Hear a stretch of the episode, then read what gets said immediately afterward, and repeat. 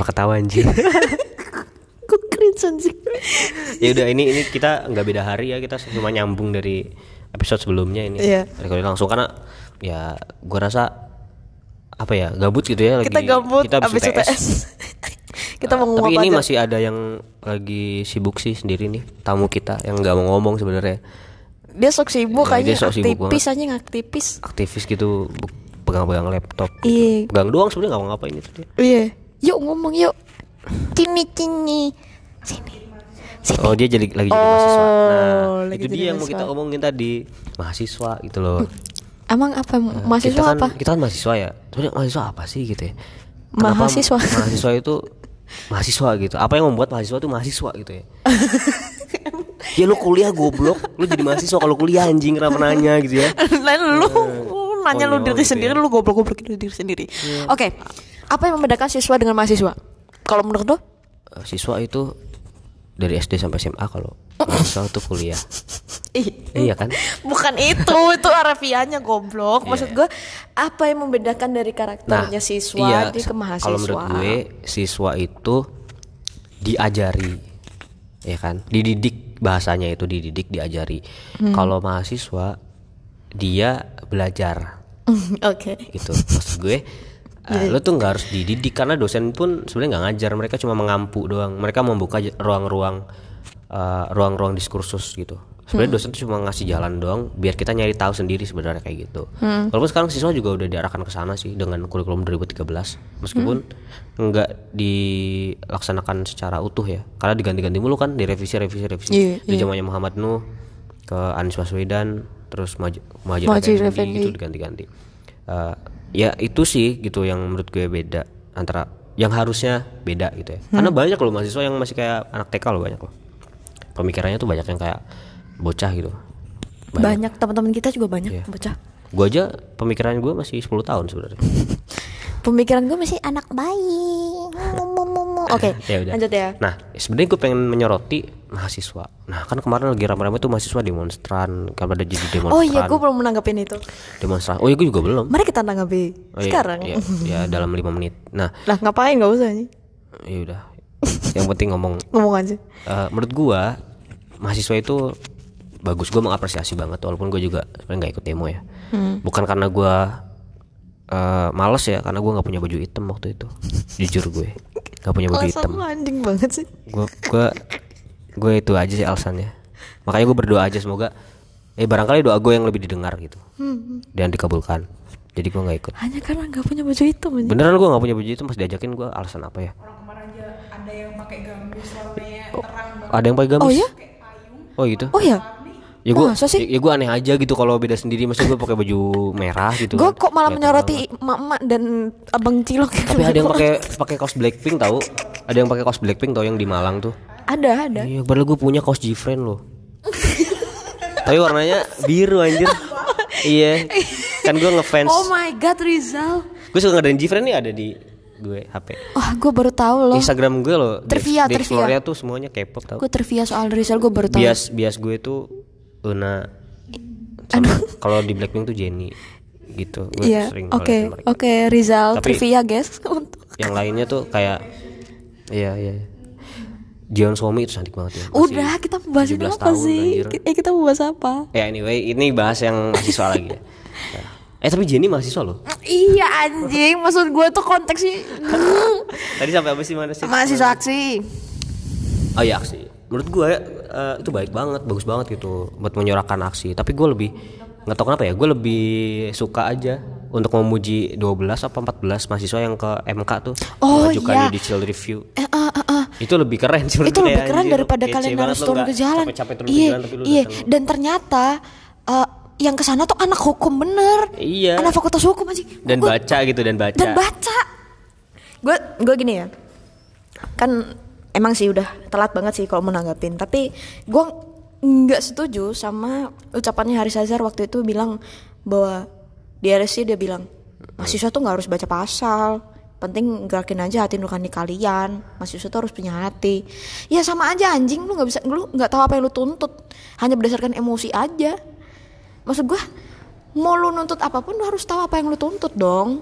Lu Iya, harus iya. tahu apa yang mau lu kritisi dong. Ya. bukannya malah lu bergerak hanya karena berdasarkan bergerak merasa rakyat tidak teradili dan segala macam tapi lu nggak tapi tahu apa iya yang gue gue gue ngerti banget sih bang Aris ngomong kayak gitu. Uh, malah gue gue punya pikiran lain. Jangan-jangan bang Aris ngomong kayak gitu sebenarnya sarkas aja. Sarkas maksudnya bukan bukan berarti menyindir mahasiswa enggak tapi menyindir semua orang yang ada di dalam situ. Karena orang-orang tuh nggak pernah baca KUHP semuanya semua orang bahkan pengacara-pengacara aja nggak baca sebenarnya mereka Hmm. itu. Ya yang baca yang mereka yang pas bikin aja gitu para profesor-profesor iya iya. aja. Iya iya. Gitu-gitu. Jadi menurut gua ya jadi bahan evaluasi sih. Jadi bahan evaluasi aja gitu bahwa sebenarnya ketika lu mau mengkritisi apa pun ya baca dulu gitu intinya. Nah gue agak kecewa sih pas bukan ke pendapat itu tapi gue kecewanya malah ke tiga empat mahasiswa berarti yang diundang ke ILC waktu itu oh iya iya dari ketua BEM UGM UI Trisakti UGM, ITB sama ITB Nah, eh, dari bahasa bahasa mereka, dari bahasa tubuh mereka malah kurang yakin jadinya. Hmm. Jadi kurang yakin, seperti ragu gitu. Mereka seperti terdistraksi oleh keadaan. Hmm. Eh, ketika Pak Yosona Lawli ngomong gini, ngomong gitu, apa apalagi pas Bang Karni nanya, "Oh, kalian baca nggak? gitu? Kalian ngerti nggak konteksnya apa? gitu? Hmm. Itu menurut gua kayak Damn ini skakmat gitu anjir. Bener-bener mahasiswa tuh udah arubanya tuh semuanya hilang gitu. Alasan dia demonstrasi tuh seolah-olah hilang. Padahal dia bisa ngomong. Menurut gua waktu itu salahnya tuh Kenapa RKUHP yang seolah-olah ditinggi-tinggikan gitu? Maksudnya kenapa itu yang paling dikritik gitu? Kenapa lu nggak lebih vokal dalam hal eh, rasisme ke Papua gitu Rasisme ke- terhadap suku-suku di Papua. Terus juga RUU PKS gitu. Kenapa nggak konsen di situ yang lebih urgent menurut gue? RKUHP ya. Urgent sih. Oh ya gue tahu. Tapi RKUHP itu kan kitab undang-undang secara umum ya. Yang di situ banyak undang-undang lain sebagai lex spesialis. Nah di situ mereka nggak ngerti mungkin. Dan ya dengan karena nggak baca so ya jadi ngawur gitu loh. Gitu. Sebenarnya ya gue gue juga setuju kalau RKUHP itu direvisi tapi ada beberapa poin yang gue nggak setuju sebenarnya menyoroti ke kayak eh, seks seks sih gue masih agak mentolerir lah masih masih aman lah.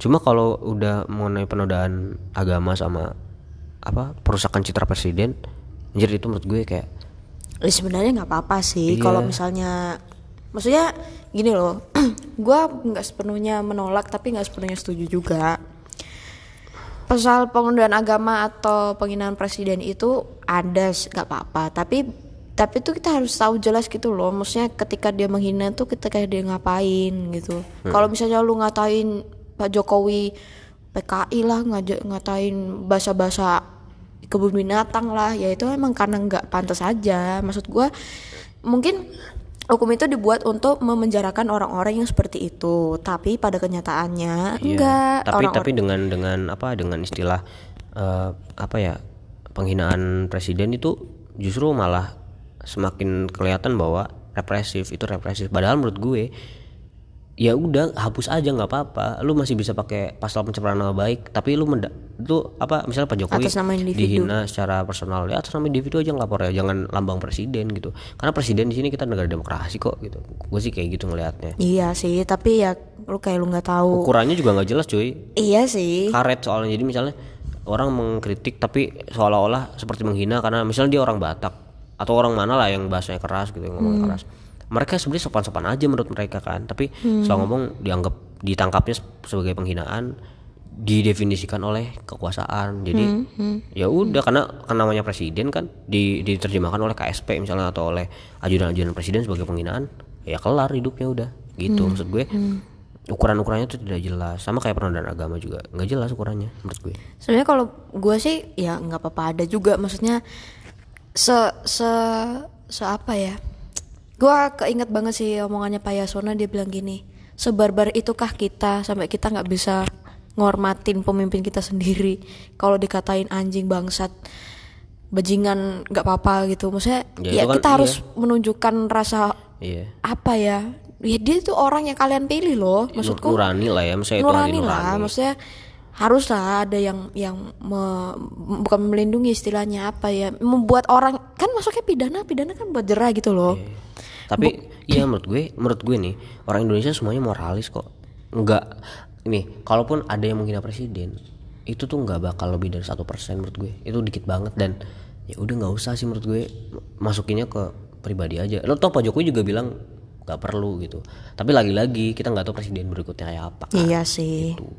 Jadi ya gue gua nggak mau sih. Gue kalau gue nggak setuju sama pasal itu. Nah udah kayak gitu. Intinya intinya waktu itu suara demo demonstran itu malah kuatnya di RKUHP gue berharapnya membela hak hak, hak asasi gitu.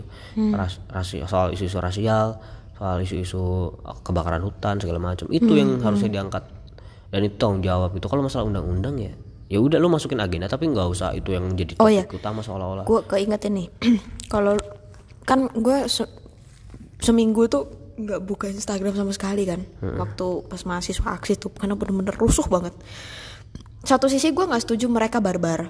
Nggak seharusnya yang mereka nggak kayak setuju gitu sih gue itu itu emang Ngancurin harusnya nggak ada harusnya gerbang ada. DPR lah bakar Vandalisme. lah vandalisme dan lain segala macemnya sampai bener-bener tarung sama polisi aparat negara. Gue nggak setuju makanya gue nggak membuka itu buka Instagram. Karena bener-bener sumpek Twitter juga gue nggak buka wah saya pengen matiin HP tapi ada satu hal yang buat gue lucu karena kalau lu baca status gue pendengar juga kalau baca status gue ada satu video video yang bilang jadi ada long march mahasiswa gitu mereka lari gitu mau ke Senayan terus dia bilang gini DPR goblok DPR goblok gitu.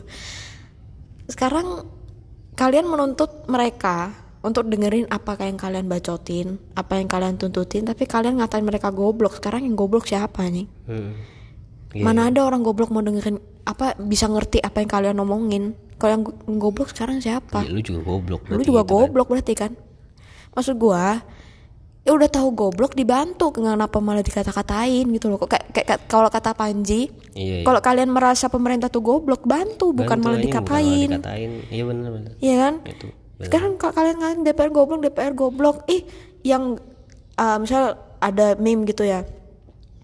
Assalamualaikum yang nggak jawab DPR lah. Maksud gua iya ya kalian yang goblok. Kalian malah ngatain orang goblok. Ya sama-sama goblok. Kalau kalian merasa mahasiswa kalian pinter, ya kalian bantu dong. Atau nggak nggak sekalian aja kalian yang dudukin di DPR, kalian jadi, jadi anggota DPR. Kalian merasa anggota DPR itu semua nggak ada moralnya, semua goblok. Ya udah, suruh mereka turun, kalian duduk aja udah. Hmm, makanya gue kan gue kan pernah di podcast pertama kita pernah bilang kalau evaluasinya adalah ke depan semoga si apa wakil rakyat itu benar-benar terkualifikasi Iya. gitu loh secara malah gue setujunya DPR itu minimal S1 kan sekarang kan minimal SMA sedangkan staffnya minimal S2 itu kayak Oh what iya. the fuck? Maksudnya apa nih gitu. Ya tapi gue juga nggak nggak mendiskreditkan yang lulusan SMA itu bodoh. Enggak enggak enggak gitu. Enggak. cuma ya setidaknya kan ada ukurannya jelas gitu. Kalau misalnya S1 dia tahu metodologi metodologi ketika berbicara gitu kan. Hmm. apalagi soal-soal apalagi banyak tuh politisi tuh sebenarnya dari dari kalangan hukum gitu. Iya, iya. Dia kan bukan apa membuat undang-undang dari kalangan hukum lebih paham gitu. Banyak kok dari kalangan hukum ekonomi segala macam bidang masing-masing. Dan dan itu yang diperlukan sebenarnya menurut gue bukan soal representasi masyarakat yang mana gitu enggak. Tapi lebih ke ya lu bisa apa sih sebenarnya DPR tuh untuk mewakili? Misalnya gini deh gue kan sebenarnya kan DPR juga. Misalnya gue orang Bandung gue bisa aja dapilnya dapatnya Malang ya Iya, kan? iya. di dari partainya. Nah jadi itu menurut gue bukan masalah itu tapi masalah lu bisa apa enggak gitu. Nantinya lu bisa mengagregasi kepentingan masyarakat apa enggak. Aspirasi masyarakat bisa lu artikulasikan sebagai satu usulan buat negara apa enggak itu kan sebenarnya. Anyway udahlah itu ya. Itu itu tentang mahasiswa yang tadi. Sebenarnya gue nggak pengen ngomong serius kayak gini. Padahal kita ngomongnya kuliah ya. ngomongin kuliah. Udah kan itu tadi pengertian mahasiswa sama Iya. respon kita soal itu. Nah uh, kita bakal ngomongin sebenarnya mahasiswa ini ngapain sih kerjaannya kuliah itu apa gitu. Uh, bagi gue mahasiswa harus diberi waktu diberi ruang yang sebebas-bebasnya untuk berekspresi berkarya. Karena kalau lu mengandalkan di kelas belajar di kelas kayak gue misalnya politik lu mau jadi apa sih sebenarnya? Iya. kalau misalnya orientasi lu kerja ya lu jangan kuliah anjir. Lu kerja langsung. Lu dulu jangan SMA lu SMK aja gitu. Langsung kerja kejuruan. Cuma ya makanya gue mandang ya khususnya ini ini gue ngebahas mahasiswa tidak secara umum semua mahasiswa ya. Ya, ke, terke- ya itu kecuali mahasiswa-mahasiswa yang kayak kedinasan itu kan udah pasti kerja. Ini gue menyoroti mahasiswa umum kayak kita gitu. Mahasiswa umum di universitas-universitas yang kayak gini. Nah jadi menurut gue mahasiswa itu butuh ruang dan waktu untuk bisa mengekspresikan diri jangan dikekang. Nah kritik gue terhadap pendidikan di Indonesia sistemnya adalah sebenarnya bukan karena sistem sistemnya mungkin udah proper tapi orang-orangnya yang masih Iya, belum paham sama sistem. masih banyak dosen yang mengekang ngatur-ngatur mahasiswa segala macam bahwa aturan itu penting ya gue setuju. Tapi tidak dengan tidak dengan eh, apa ya mental-mental yang senioritas gitu. Ngerti gak sih? Iya. seolah-olah Iya, dosen iya, itu selalu benar tidak membuka ruang-ruang demokrasi. Itu gue suka dosen-dosen demokratis sih. Kalian maunya apa? Saya turutin tapi kalian juga turutin maunya saya. Nah itu yang keren menurut gue Hmm. bukan jadi, yang berdasarkan karena gue tua lu harus nurut Iya, gue kita tetap bisa berekspresi, kita bisa tetap bisa uh, mengeluarkan isi otak kita, bisa apa ya, membuat sesuatu lah intinya. Tapi di sisi lain, lu juga menghormati gitu, segan sama dia karena dia memberikan ruang itu. Kayak misalnya dosen kita tuh, dosen uh, teori politik misalnya, Pak Faisal Pak Faisal misalnya, beliau tuh orang demokratis menurut gue. Uh, ya wala- walaupun uh, apa some- sometimes gue ngerasa ini terlalu bebas, cuma tra- bener apa kata dia, moral itu urusan kalian. Jadi sebenarnya mahasiswa itu yang gue bilang tadi, bedanya sama siswa adalah siswa tuh masih dididik untuk berbudi pekerti luhur, sedangkan kita harusnya udah. Dari SD sampai SMA tuh diajarin buat berbuat baik kan, buat sopan. Jadi lu selama itu ngapain kalau pas kuliah lu kerjaannya kelanggar mulu, ya kan? iya iya. Maksudnya ngelanggarnya itu bukan yang ngelanggar yang kalau misalnya ngelanggar yang normal-normal sih menurut gue ya orang bisa lupa segala macam. Tapi bukan kayak lu nggak sopan ke guru ke dosen kan nggak mungkin juga. Sebongkar-bongkarnya orang di sini pasti masih menghormati dosen walaupun di belakangnya ngomongin ya kan? Iya. ya kan? Tapi di depan mah ya masih menghormati lah gitu Iya, kan. iya. Uh, walaupun di hatinya tuh apa sih apa sih? gitu. Cuma pasti dia menghargai. Gue gue itu gue kritik terhadap sistem yang belum dilaksanakan baik itu itu orang-orangnya dosen-dosen ini masih terbawa mental-mental otoritarianisme mungkin ya gua nggak tahu. Senioritasnya tuh terlalu tinggi. Menurut gue dosen itu jadi bukan lagi jadi menggurui gitu tapi dosen juga bisa digurui oleh mahasiswa. Bisa di bisa Iya kita, bertukar pikiran kan sebenarnya. Saling belajar. Ketika lu jadi siswa ya lu digurui lah. Ya kan lu nggak tahu apa-apa siapa lu gitu. Tapi pas di perkuliahan gini bisa jadi mahasiswa lebih pintar dari dosen. Makanya kita sharing. Bukan I teach you bukan gitu tapi uh, apa ya? We learn together. Ya we learn lah. together. We discuss. We discuss we discuss something kayak ya kayak gitu. Jadi menurut gue salah sih kalau ketika dosen itu kerjaannya jadi ngajar menggurui. Gitu. Menurut gue berbagi pikiran itu baik gitu. Insight dari mahasiswa itu perlu dari dosen apalagi gitu. Kalau menurut lu gimana kuliah di sini? Sistem deh dan, dan sistem deh. Menurut lu udah bisa disebut mahasiswa belum sih kalau kuliah di Indonesia tuh sebenarnya? Karena kita masih 50-50 gitu. Jangan-jangan kita masih siswa secara bukan secara istilah tapi lebih bebas. iya siswa yang tidak berseragam aja kita sebenarnya. Kalau misalnya diatur atur terus ya kita apa bedanya sama siswa? Kita tidak bisa bebas berekspresi. Siswa aja ada ekstrakurikuler apa ekstrakurikuler aja udah lumayan bebas gitu. Jangan-jangan kita di sini malah jadi budak-budak korporat. birokrasi yang Budak-budak birokrasi. iya birokrasi yang sangat hierarkis. Karena menurut hierarki- birokrasi itu kadang tidak penting dalam kelas itu. Ya nggak sih? iya sih? iya.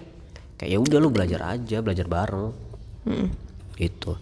Itu satu sisi gua memandangnya bahwa mahasiswa di Indonesia eh gua nggak tahu ya. Ya mungkin di negara lain juga ada. Ini karena gua hidup di Indonesia ya gua taunya di sini. Kayak gitu. Sepertinya khususnya di kampus gue ya eh, dan beberapa kampus lainnya sistemnya tidak belum dijalankan dengan baik. Sistemnya udah ada tapi bagaimana menjalankannya belum dilakukan secara secara penuh gitu. Gitu yang pertama. Nah yang kedua pertanyaan gue mahasiswa aktif. Aktif tuh maksudnya aktif beraktivitas gitu ya. Iya. Menurut lu mahasiswa harus banget gak sih? Kayak gini misalnya gue pas masuk ke sini eh, seolah-olah tuh gue harus masuk organisasi gue harus ikutan LKM gue harus ikutan UKM LSO segala macem Eh, katanya lu bisa belajar soft skill segala macem. Gue diarahkan ke situ. Menurut lu sepenting apa sih ikut organisasi? Dan dan kalau nggak ikut organisasi boleh apa enggak harusnya gimana sih? Hmm, oke. Yang pertama gue mau bahas soal eh, sistem ya. Menurut gue ini karena gue apa istilahnya bukan bukan so Inggris atau gimana tapi gue juga punya interest ke negara Amerika Amerika Serikat.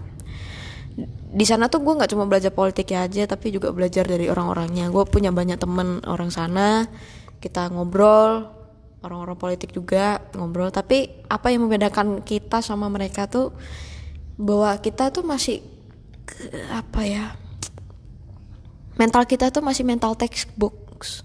Iya iya iya. Hanya hanya berdasarkan buku aja. Kalian baca kalian baca aja udah syukur gitu maksudnya. Gini gak sih? Maksud maksud lu tuh kita cuma melakukan apa yang sudah kita tahu Iya. diajarkan kita Iya. nggak mencari gitu ya? Kita nggak mencari apa yang menjadi interest kita gitu. Kita nggak mau gali males. Kita ini nggak males. Gue jujur aja gue males. Ada ada kadang kalanya males gitu. Ah disuruh bikin esai gue males. Ah ya udah gue gue ini aja apa yang gue tahu gitu. Tapi kalau di sana tuh enggak gitu. Di sana tuh kita mencari masalah baru. Mencari masalah baru bukan mencari solusi. Mencari masalah baru. Kemungkinan kemungkinan apa yang belum terjadi Iya, dan kita harus mencari masalah baru untuk bisa mengantisipasi. Kalau di sana tuh dia misal kalau lagi eh, eh, pemerintahannya Trump ini kan masalah sama Meksiko lah ada kolusi sama Rusia dan lain segala macamnya. Di sana mereka tuh juga belajar gitu kalau eh, apa hubungan antara negara lain tuh kayak gimana. Perpolitik mereka, tuh luas gitu nggak cuma hanya di Amerika aja. Nah itu yang membedakan. Mereka antisipasi kita masih iya basa-basi. Iya iya iya. Gue itu. Ya, di sini kita cuma basa-basi doang sekolah kita cuma basa-basi aja. Malah kalau lu baca novelnya uh, J.S. Hyren dia nulis sarjana kertas. Anjay. Kami bukan sarjana kertas. Terus di sequelnya dibikin kami bukan apa ya jongos apa gitu pokoknya. Itu itu keren sih. Itu buku satir. Di, di dibalut dengan fiksi padahal itu mengkritik parah sih. Mengkritik sistem kita. Eh, nah gue gue juga gitu. Mandangnya di sini tuh banyak yang sarjana kertas. Mungkin jangan-jangan gue juga cuma ngejar itu lagi. Ya padahal Jangan-jangan gue juga. padahal yang berharga menurut gue adalah pikiran-pikiran yang dihasilkan sejak lu kuliah pengalaman-pengalaman lu yang penting. Bukan bukan seberapa besar seberapa baik nilai lu dan seberapa apa ya istilahnya seberapa prestise sih yang lu dapat. Bukan itu sebenarnya menurut gue ya pengalaman lu gitu pengalaman lu. Kayak lu ikutan diskusi-diskusi itu kan lu dapat pikiran-pikiran baru. Lu hidup dalam lingkungan yang heterogen itu pelajaran hidup loh. Itu menurut gue yang penting. Pelajaran-pelajaran kelas ya itu bukan sesuatu yang harus selalu kadang kan orang mikirnya ah gue nanti kerja apa? Belajar politik. Sebenarnya kan kuliah emang buat bukan buat kerja anjing. Kuliah kan emang buat belajar kan belajar aja gitu. Iya. Sebenarnya Nah, jadi pola pikir pola pikir yang mengatakan bahwa orang yang kuliah itu pasti kerjanya baik itu belum tentu menurut gue. Dan yang nggak kuliah kerjanya buruk juga itu salah gitu. Udah udah nggak ke situ arahnya. Kerja itu soal kemampuan bukan soal pengetahuan aja gitu. Peng- kemampuan gitu. Kalau misalnya lu anak teknik lu nggak serta merta bisa jadi eh, kerja di Microsoft gitu gitu kalau lu nggak punya kemampuan gitu. Maksud gue kemampuan kemampuan itu kadang eh, nggak selaras dengan pengetahuan secara teoritis gitu. Lu paham teorinya tapi ternyata lu prakteknya nol besar gitu. Ya itu. Jadi gitu tuh mahasiswa tuh. Nah kalau misal aktif di organisasi kayak gitu menurut gue penting ya. Menurut gue penting banget cuma kalau garis bawahnya lagi lu kalau masuk organisasi jangan cuma numpang nama aja gitu. Cuma memper apa ya memperbagus CV gitu. Ya percuma kalau CV lu bagus tapi lu sebenarnya nggak punya soft skill apa apa eh gitu. gue belum bahas itu ya? Iya bahas iya. Organisasi. sama aja bareng-bareng. Eh mungkin lu juga satu pemikiran Eh, kalau gue sih gini ya. Menurut gue orang organisasi itu nggak lebih dari orang yang budak birokrasi kayak kayak lu bilang. Dalam, mereka dalam konteks dalam konteks Di sini ya? di sini sini aja ya. Nggak orang organisasi itu nggak lebih dari budak birokrasi gitu. Mereka masih harus nurut sama eh, wa- wakil dekan lah semua birokrasi ada di fakultas gitu. Kalian harus nyari duit. Budak duit juga kalian. Acara kalian harus cari inilah cari itulah bahkan rela me- memberikan uang sendiri untuk acara yang kalian sendiri capek ngerjainnya. Iya iya. Ya itu gitu. Ya gue sebagai orang yang ikut kepanitiaan bukan organisasi ya ini ini ko- konteksnya kepanitiaan. Mungkin lu juga kepanitiaan kan Zal? Iya iya iya. Juga jadi CO jadi koordinator gitu. Ya kalau bilang capek capek gitu. Karena kita ketumpuk deadline lah ketumpuk bayar danusan lah ketumpuk nurutin apa kata birokrasi lah. Ya itulah pokoknya. Ya sumpah sumpah tapi yang menjadi inti poin pembicaraan gue ini apa sih? Apa yang kalian cari gitu? Dari dari kalian bikin acara tuh apa? Apakah hanya sekadar bikin acara tahunan, takut acara itu hilang iya atau cuma sekadar melaksanakan atau nggak- apa sebenarnya? ngegugurin kewajiban Iya, aja. jangan- atau jangan emang gitu. kalian bener-bener niat gitu. Apa kalian bener-bener pengen ngadain acara ini supaya ya niat kalian untuk membantu orang gitu. Entah seminar itu pengen orang supaya lebih tahu lah atau debat pengen supaya orang itu lebih ngasah diri ngomong. Ya itu itu kalian yang pikir sendiri lah gue di sini cuma sebagai satu orang salah satu orang Rizal juga sebagai salah satu orang yang ada di kepanitiaan yang jujur aja capek gitu. Karena kita melaksanakan acara tidak dengan niat kita Yes. tapi niat orang. Kita cuma dipaksa kita cuma dipaksa aja. Itulah ya makanya gue sekali lagi organisasi itu penting lu ikutan lu aktif organisasi lu aktif ikutan konferensi konferensi penting penting. Itu penting banget. Tapi sekali lagi niat lu apa gitu. Dan menurut gua kalau lu emang nggak punya niatan untuk berkarir di jalan jadi menurut gue jangan coba-coba deh kalau lu emang nggak mau capek segala macam. Udah mending lu cari yang lu suka aja. Karena ketika lu melakukan apa yang lu suka dan lu bisa nggak merasa terbebani. itu lu nggak akan merasa terbebani. Malah di situ lu bisa berkarya lebih hebat lagi menurut Iya, gue iya, kalau iya. lu misalnya suka lomba-lomba ikutan lomba gitu loh. Hmm. kalau lu suka eh, apa misalnya lu nulis nulis aja gitu udah jangan pikirin yang lain menurut gue gue juga sebenarnya agak menyesal ketika ikut organisasi ikut kepanitiaan ternyata gue sebenarnya nggak niat di situ Iya, iya, gitu sama. kayak gitu jadi gue ini pengalaman pribadi gue banget gitu gue capek gitu bahkan ya selain capek tenaga capek uang juga sih capek duit juga gitu. capek kantong. Mungkin kalau orang yang niat nggak bakal kerasa gitu ya. Hmm. Mungkin dia seneng-seneng aja. Kalau gue enggak gitu, sama sekali kayak anjir nih gue kok kayak diperas gitu. Padahal itu juga gue yang salah. Kenapa gue ikut juga gitu kan? Sebenarnya gitu. Akhir ujung-ujungnya terpaksa. Nah kayak gitu. Jadi eh, lu niatnya kayak apa dulu sebenarnya kalau mau ikut organisasi. Dan menurut gue maba-maba itu jangan so asik deh. Menurut gue jangan so asik. yang maksudnya langsung ikut-ikutan kayak gitu segala macam Iya iya dengan num- pengen numpang tenar doang, pengen dapat nama doang. Lu kalau terkenal di kampus, lu lu nggak bakal otomatis jadi orang yang hebat, enggak. Justru kalau lu kelihatan salah malah lu lebih disorot ketika lu udah terkenal kan. Iya. Karena menurut gue terkenal tuh nggak penting, men. Yang penting tuh lu menghasilkan apa untuk hidup lu, lu bahagia itu doang menurut gue. Karena persetan dengan semua popularitas karena ketika lu sudah populer orang-orang tuh bukan peduli bukan peduli sama lu, bukan. peduli sama Mereka tuh cuma peduli sama diri mereka Diri sendiri mereka sebenarnya. Bukan sama lu gitu. Mereka nggak bela-bela lu gitu atau misalnya ngedeketin lu.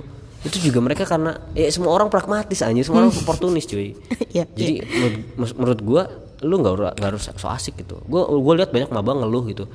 Ngeluh gitu segala macam. Ikut organisasi banyak-banyak. Ya lu yang salah anjing kenapa? ngapa lu mau mau gitu makanya cara tahu dulu nah salahnya itu di sini adalah banyak orang yang cuma ah gue nyobain deh nyobain tapi nggak tahu terus lu masuk ke dalam jurang gitu lu kayak terjun bebas gitu ke jurang itu kayak ah, kayak gini deh analoginya lu lagi jalan ya terus ada ada jurang di sini ada jurang Eh, di sini ada ada danau gitu yang masih bisa lu renangi tapi di sini masih ada tapi ada jurang yang gelap nggak kelihatan. Terus lu penasaran karena danaunya kelihatan ah enggak gua udah pernah. Ah ini ke sini ah. Yang nggak kan lu nggak tahu isinya apa. Lu nyemplung aja ke situ ya Dan lu mati tidak gitu. bisa kembali. lu bisa nggak bisa kembali itu susah kembalinya. Susah kembali. Butuh waktu. Makanya maksud gua ya Hmm. lu jangan so asik lah sumpah. Beneran deh mabok jangan so asik. Anjing emang bagus itu so asik. Enggak anjing gue ngeliatnya jijik tau. Sumpah gue jijik banget ngeliatnya. Kayak eh apa ya? Ya gitu gitu. Gue ngeliatnya kayak anjir nih gue nggak menyalahkan mereka yang ikut organisasi enggak. Gue sama sekali ini no offense ya. Gue nggak menun- menunjuk pada satu, salah satu kelompok enggak. Cuma eh, alangkah baiknya gitu kalian maba itu ya kritis lah gitu. Untuk hidup itu, itu itu untuk untuk hidup lu sendiri gitu. Maksud gua lu jangan mencelakakan diri lu jangan terjun ke jurang yang lu nggak tahu isinya apa. Ketika lu terjun lu yang sakit terus lu menyalahkan orang lain. Itu goblok. itu goblok sih. Itu goblok. goblok anjing itu. Udah parah banget sih. Ya, iya gitulah. Lu dewasa aja. Lu udah mahasiswa kok itu dewasa kritis. Lu cari tahu dulu sebelum melakukan gitu. Menurut gue gitu selalu kayak gitu. Eh, simple gitu format kehidupan itu sebenarnya. Untuk mengikuti sesuatu ya lu harus tahu dulu apa yang mau lu lakukan. Mhm. ketika lu tidak tahu lebih baik tidak. Dan lu cari tahu dulu gitu. Gue gitu. lagi-lagi sebelum lu melakukan sesuatu lu tanya ke diri lu. Pertama lu butuh apa enggak? Yang kedua lu bakal dapat apa? Yang ketiga membahagiakan gak buat lu gitu maksudnya bisa bisa nyenengin lu nggak gitu kan ada sebenarnya yang yang baik tapi lu nggak seneng di situ Iya, iya. Padahal ba- masih banyak jalan yang lain yang sebenarnya lu bisa fun-fun aja gitu. Katanya keluar dari zona nyaman. Tapi Karena menurut gua enggak, gua gua kayak nggak setuju aja sih sama sama itu. Gimana? Menurut gua lu nggak harus keluar ke zona nyaman. Bukan berarti nggak boleh ya. Lu boleh keluar dari zona nyaman. Uh, tapi lu butuh effort yang tinggi gitu. Tapi kalau orangnya lu malesan gitu ya, tukang rebahan gitu segala macam, itu korban. lu nggak bisa keluar dari zona nyaman. Lu nggak bisa. Kalau lu keluar dari zona nyaman lu mati. Gitu. Kalau lu nggak berubah ya. Iya, iya. makanya ketika lu kayak gitu lu cari tahu lu apa yang lu suka dan lu bisa lu lakukan itu. Menurut gue itu lebih baik daripada lu sok-sokan jadi orang yang keluar dari zona nyaman. Oh keluar dari zona nyaman. Enggak anjir. Menurut gue lu bisa menciptakan zona nyaman lu sendiri Hmm. gitu loh karena kan orang kayak keluar untuk sukses lu nggak perlu keluar dari zona nyaman anjing sebenarnya Iya sih. Iya kan? Lu bisa tetap di jalur yang nyaman, yang lu ciptakan sendiri dengan cara apa? Ya lu nyari sesuatu yang lu suka dan lu bisa lu lakukan itu. Walaupun ya kalau di dunia kerja, passion itu tidak penting, yang penting duit. Lu dapat Iya duit sih. segala macam. Tapi lagi-lagi dalam berkarya nih ya, dalam konteks berkarya, lu aktif di ma- mahasiswa kayak gini, menurut gue ya kayak gitu lu lu cari tahu dulu. Kalau dari zona nyaman tuh nggak semuanya baik loh. Ada yang dia aktif organisasi tapi akademiknya terbengkalai, Banyak sekali. finansialnya terbengkalai banyak sekali gitu. Banyak sekali. Iya, jadi lagi-lagi coba dia lu renungkan gitu ketika lu mau melakukan sesuatu tuh apa pun itu keputusan besar loh. Itu loh. Jadi ya itu jangan jangan langsung aja gitu. Jangan sotoy gitu lu cari tahu dulu. Ya itu buat kalian maba-maba atau teman-teman angkatan kita dan atas-atas kita ini berlaku Iya. untuk kalian semua sih. Mau orang lain juga yang bukan mahasiswa yang dulunya mahasiswa juga nggak apa-apa. Nah, oke cukup di organisasi, eh cukup di sistem dan organisasi Iya. internal. Sekarang kita bahas organisasi eksternal. Eksternal. Nah, kalau lu memandang organisasi eksternal tuh sebagai organisasi yang seperti apa? Organisasi eksternal gue mandangnya bukan cuma organisasi eksternal yang berlatar belakang ideologi ya. Banyak kok komunitas-komunitas di luar. Gue juga ikut kok. Gue ikut Storyal Community Malang. Itu penulis penulis-penulis yang ada di Malang. Hmm. Kita ny- kita bersatu gitu. Eh, kita gabung sama eh, banyak. Jadi kita kalau misalnya ada event-event kepenulisan kita ikut project buku segala macem gitu. Kita gabung sama IKP juga. Nah, ada yang kayak gitu. Yang yang bergeraknya di jalur-jalur seni jalur-jalur sastra gitu, gitu. ada yang jalur ideologi gitu. Jadi itu kan karir masa karir kan konteksnya karir. Kalau tapi kalau yang ideologi yang yang bersinggungan dengan kemahasiswaan dengan apa yang kita pelajari di mahasiswa gitu di, di perkuliahan itu ya gue mandangnya sebagai alat bantu seharusnya Hmm. jadi alat bantu bukan alat perusak Eh, kenapa gue bilang alat perusak kalau tujuan lu ikut organisasi mahasiswa eksternal sebagai jalan untuk semata-mata kekuasaan dalam kampus Hmm. atau apa pun itu ya lu pengen dapat prestise segala macam dengan itu ya menurut gua gua nggak bisa menyalahkan tapi eh, itu kurang kurang baik aja gitu. Kurang kece aja gitu sih visinya kalau cuma kayak gitu. Tapi gue yakin kok sebenarnya organisasi itu bagus. Tapi gimana orangnya aja di dalamnya menurut gue Iya sih. orangnya itu kayak apa menjalankannya sih mandangnya apa. Karena menurut gue itu penting loh buat menjaga ideologi pancasila loh. Jadi dulu tuh organisasi mahasiswa eksternal itu di di bawah kemenpora kan mereka. Hmm. mereka di bawah kemenpora dibikin itu untuk menjaga nilai-nilai Pancasila. Karena lu kalau dipikir misalnya GMNI itu nasionalis ya kan? PMI religius tradisional. HMI religius progresif. Gitu-gitu kan itu kan eh, apa ya selaras dengan Pancasila semua. Iya. jadi untuk menjaga nilai-nilai Pancasila supaya tetap ada sebenarnya. Dan itu bagus. Lu belajar uh, banyak hal di situ gitu sering kajian kan kayak gitu-gitu lu bahas sesuatu bahas soal negara segala macam. Muncul-muncul pergerakan dari situ pergerakan mahasiswa. Kayak kemarin demonstrasi itu banyak lo peran dari mahasiswa eksternal. Nah, ya cuma lagi-lagi intensi lu apa sih? Gitu. kalau cuma buat bertengkar dalam kampus sih udah lah lu keluar aja lah. Udah. Kalau gue jadi presiden bakal gue bubarin sih. Kalau cuma kayak gitu doang ya isinya. Tapi bagus loh menurut gue. Iya, kalau gue sih juga setuju sih. walaupun pilihan gue untuk tidak ikutan ya karena gue nggak setuju aja di sini pelaksananya kayak beda aja Nah, itu mau gue bahas. Jadi terserah sih mau kalian mau ngadain organisasi juga terserah gitu. Kalau mau internal kayak mau eksternal tuh pilihan kalian. Semua kembali ke tangan kalian masing-masing. Tapi yang menjadi kenapa sih gue dari podcast awal ngomongin mahasiswa tong kosong lah, ngomongin orang-orang PMI, GMNI dan lain segala macamnya karena orang-orang itulah yang membuat citra bukan orang-orang ya oknum. Oknum dari organisasi eksternal itu yang membuat gue jadi citra omek itu jelek. Omek. Citra organisasi eksternal tuh jelek gitu. Maksudnya bahwa organisasi eksternal tuh nggak hanya sebat nggak hanya lebih dari organisasi yang rusuh gitu. Maksudnya organisasi yang menggunakan nama organisasi untuk meraih kekuasaan atau perpolitikan kampus lah menggunakan organisasi sebagai gaya-gayaan eh aku anak GMNI lo aku gak anak PMI lo eh aku seberangan sama dia lo misalnya HMI atau bangga-banggaan gitu Kebangga-banggaan Lu gitu. bertengkar bangga anjing Iya bertengkar membawa nama organisasinya masing-masing gitu. Ya nggak seharusnya nggak kayak gitu. Gue juga memilih untuk tidak masuk organisasi walaupun dulu pernah mau hampir hampir ya gue cinta, cinta damai sih gue hampir juga masuk. dulu hampir kok masuk. Hampir dulu masuk. mau masuk. game Iya gue kita berdua hampir masuk tapi memutuskan untuk tidak karena bukan kita bu- bukan karena gue nggak suka enggak gue gue gue memilih kebebasan gue sendiri aja. Ya lu, ya gue juga, gue memilih kebiasaan gue tidak mau terikat atas dasar organisasi orangnya apa pun. nggak bisa diatur. Jujur gue tuh independen banget orangnya. Gue nggak bisa diatur oleh satu pihak ini pihak itu. Gue nggak bisa. Ketika gue beropini maka itu opini gue secara Hmm. pribadi. Gue tidak akan ikut ke A B C gitu enggak Dan lu males dikait-kaitkan dengan ya gue organisasi. juga malas dikait-kaitkan anjing eh ada loh gue gue kan waktu itu ngobrol sama anak UM eh, di salah satu pertemuan Hmm? Nah besok besok gue ada gathering lagi. Waktu itu gathering tutorial community yang pertama Hmm? launching waktu itu di eh, Geraha Cakrawala di UM Geraha, waktu iya. itu. Tapi nggak semuanya dipakai sih di Geraha. Karena kita juga nggak waktu itu nggak nggak semuanya datang. Nah ya besok ada gathering lagi. Nah itu tuh gue ngobrol samping-samping kanan gue kan bukan cuma anak UB. Ada juga yang bukan mahasiswa. Terus gue nanya salah satu mahasiswa UM eh apa ya? Eh gue mau apa tadi? Gue lupa anjing. Itu loh masalah apa?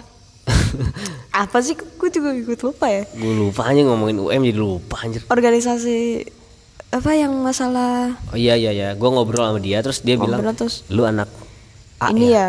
lu anak ini ya hah maksud lu ya lu kelihatan gitu. Kelihatan apanya anjir? Emang lu bisa mendeteksi muka orang terus lu identifikasikan dengan organisasi ini gitu? di, diidentikan dengan organisasi A B C? Enggak lah anjir.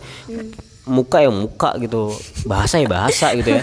Cara pembawaan cara pembawaan gitu. Bahwa ketika gua ngomong sahabat bukan berarti gua anak PMI ketika gua ngomong eh, kawan bukan berarti gua PKI ya kan? Kan PKI dulu nyebutnya kawan kan partai PKI Eh, bukan berarti ketika gua bilang bung Sus, berarti bukan. itu GMNI. GMNI bukan Atau Ketika manggil ngomong- akhi dan uhti bukan berarti berarti kami. kami gitu kalau kita gue bilang imawan bukan berarti gue anak IMM bukan gitu maksud gue uh, ya gitu gue gue suka banget sih kalau dikait-kaitkan Hmm. gue tuh independen gue gue bisa menjamin gue independen gue tidak pernah dipaksa untuk berpendapat pun Hmm. gue juga tidak pernah mendukung kelompok-kelompok apa pun. Jadi ketika ada apa-apa ya gue responnya respon pribadi gitu. Hmm, hmm. makanya kadang gue orang itu ngeliatnya nggak konsisten. Padahal gue justru gue yang konsisten.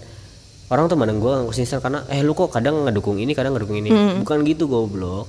Gue tuh mikirnya Santai-santai. bukan gitu. Gue tuh ya berpendapat aja. Kadang pihak yang ini benar kadang yang ini salah Iya, gitu. iya, iya. yang ini juga kayak gitu. Jadi lu jangan seolah-olah hitam putih semuanya. Kalau ini bener ya udah selamanya bener ya ini salah salah enggak gitu. Justru malah gitu yang nggak bener ya. Iya gitu yang nggak bener lu yang bego gitu.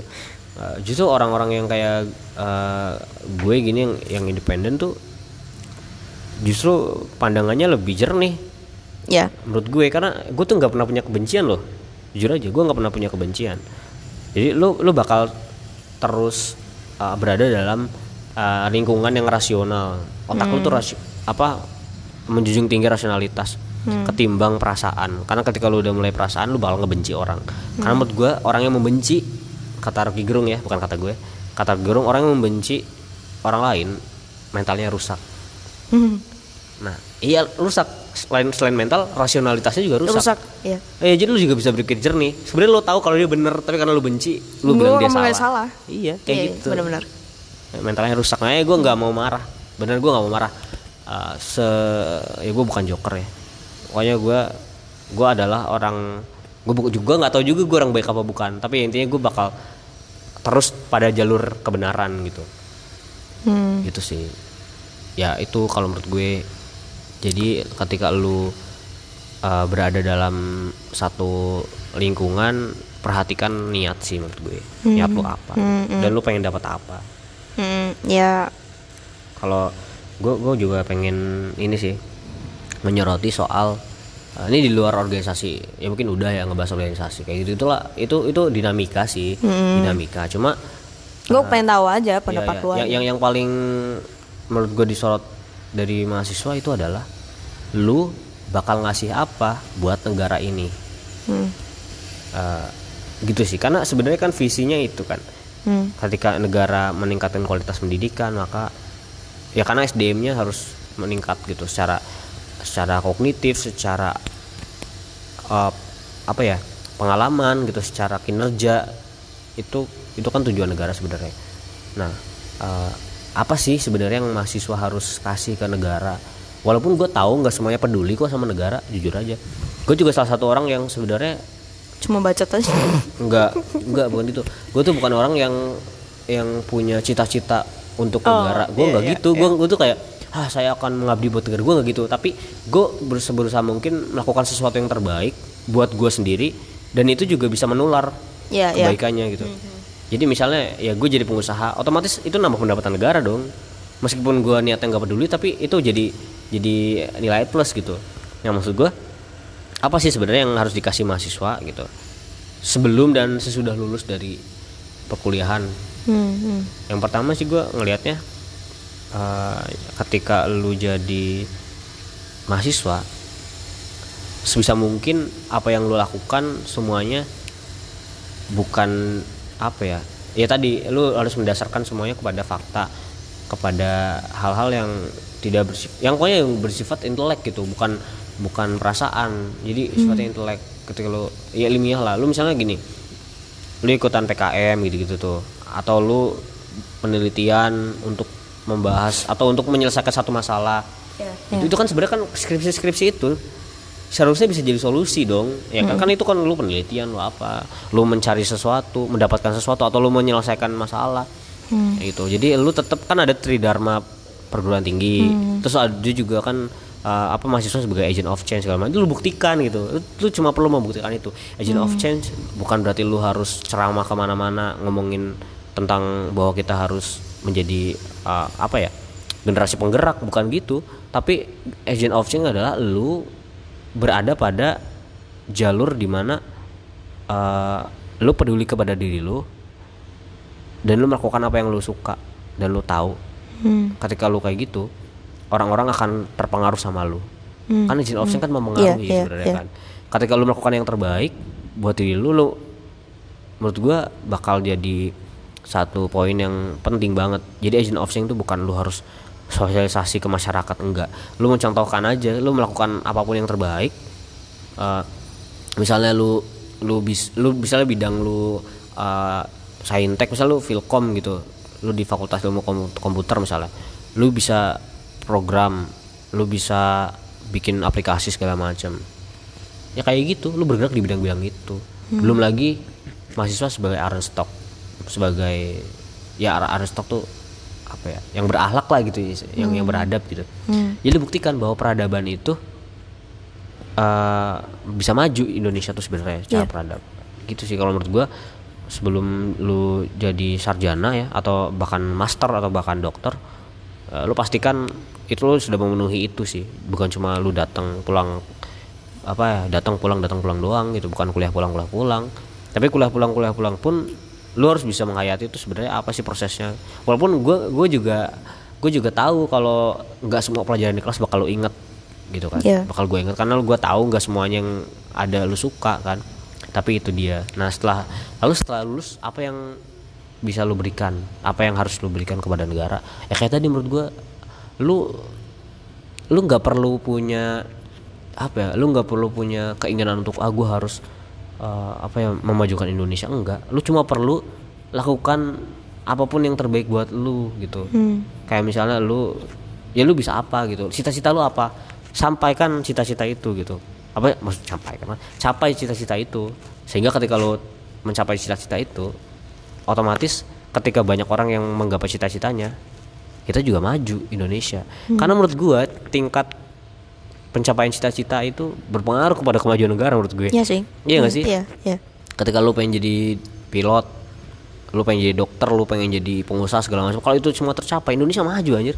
Iya kan? Jadi capailah cita-cita lu lu berdoa buat itu gitu.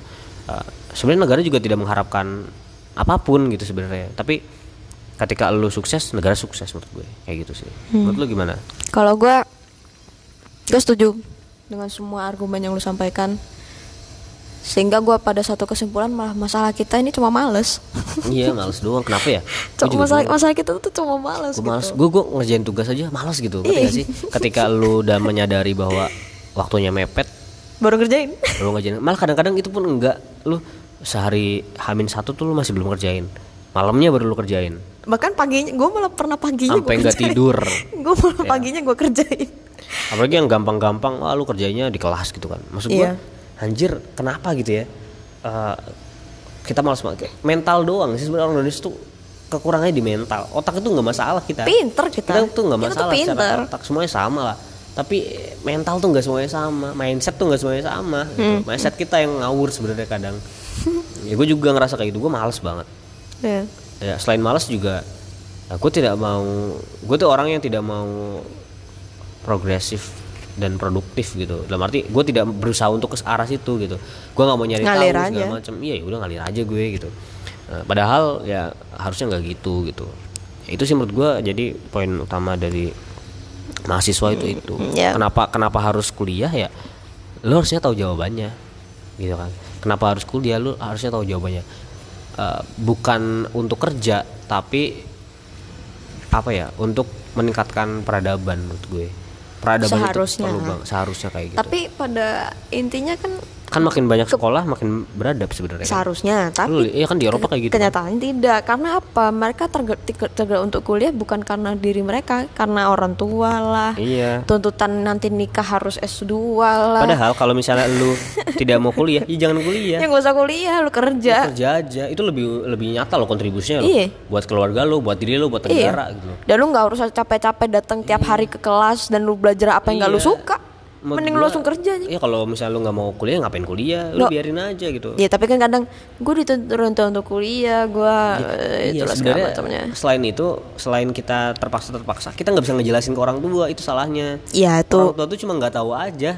Mereka cuma Iya. kekeh aja. Mereka Iya. nggak tahu. Makanya lu kasih tahu bahwa kita tuh nggak sebenarnya nggak nggak harus kuliah. Kuliah pun malah buang-buang waktu menurut gue. Iya. Terus kuliah lu cuma buang bayar UKT mahal. Terus lu nggak jadi apa-apa. Nggak jadi apa-apa tuh gitu. buat apa gitu loh buat gue. Iya nggak nggak ilmunya nggak nyampe ke otak lu. Setelah itu lu nggak punya kemampuan yang yang lebih daripada lu ketika lu lulus SMA aja sama aja gitu. Lu hanya mengisi, mengisi waktu kosong lu aja. Iya, bahkan kalau misalnya lu, lu nggak niat banget lu bisa sampai tujuh tahun kuliah kan anjing. tujuh tahun lu ngapain gitu? Tujuh tahun. Kalau lu langsung kerja dulu, lu tuh udah Udah jadi manajer kali, udah jadi Iya, head lu of sales kali Iya, lu. jabatan lu udah Udah tinggi tuh jabatan lu tuh. Gue ya, ya walaupun nggak gampang ya, Ya, uh, kerja. Ya tapi kan pengalaman Ya, bos. mungkin lu tujuh tahun itu lu bisa merintis usaha gitu kan segala macem Gitu. Jadi menurut gua lu jangan terpaksa deh kalau misalnya ini teman-teman yang masih SMA eh, kalian jangan terlalu terpaku kepada kuliah-kuliah dan dan kuliah pun lu nggak harus ke negeri gitu. Swasta Ya kan? sama boleh. aja. sama aja Oh, semua- semua sama, penting kedinasan, belajar. mau ke militer mau ke apa itu sama gak beda gitu Hmm. lu sama-sama punya input dan output yang sama gitu kan tujuannya pun sama untuk meningkatkan peradaban gitu jadi eh, ya nanti nanti podcast ini juga bakal bahas kayak kenapa harus kuliah dan kenapa tidak harus kuliah kayak gitu Itu nanti dibahas di Nah, nanti tapi- segmen-segmen tapi selanjutnya. chapter depan eh, sambil ngomongin soal SBMPTN, SNMPTN Hmm, gitu-gitu. Eh, sistem-sistem penerimaan gitu-gitu sih. Oh Gua- iya. Gue bakal Boleh, boleh. gue bakal concern di situ. Gue pengen adik-adik SMA tuh nggak salah milih. Hmm. Dan satu lagi pesan gue adalah ketika lu mau nih buat dede-dede SMA yang ngedengerin ya, siapa Dede tahu ada. dede. Eh, kalian kuliah itu jangan ngelihat kampus mana, jangan lihat kampus mana, tapi lu harus ngelihat jurusan apa. Jurusan itu penting buat kalian. Univ tuh nggak penting.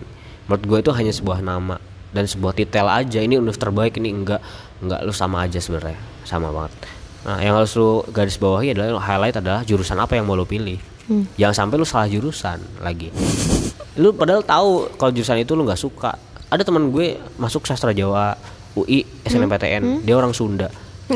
Terus dia nggak suka gitu bahasa Jawa. Akhirnya dia apa? Keluar dari UI. Dia pindah. Kan anjing buang waktu gitu Buang maksud gue. waktu aja.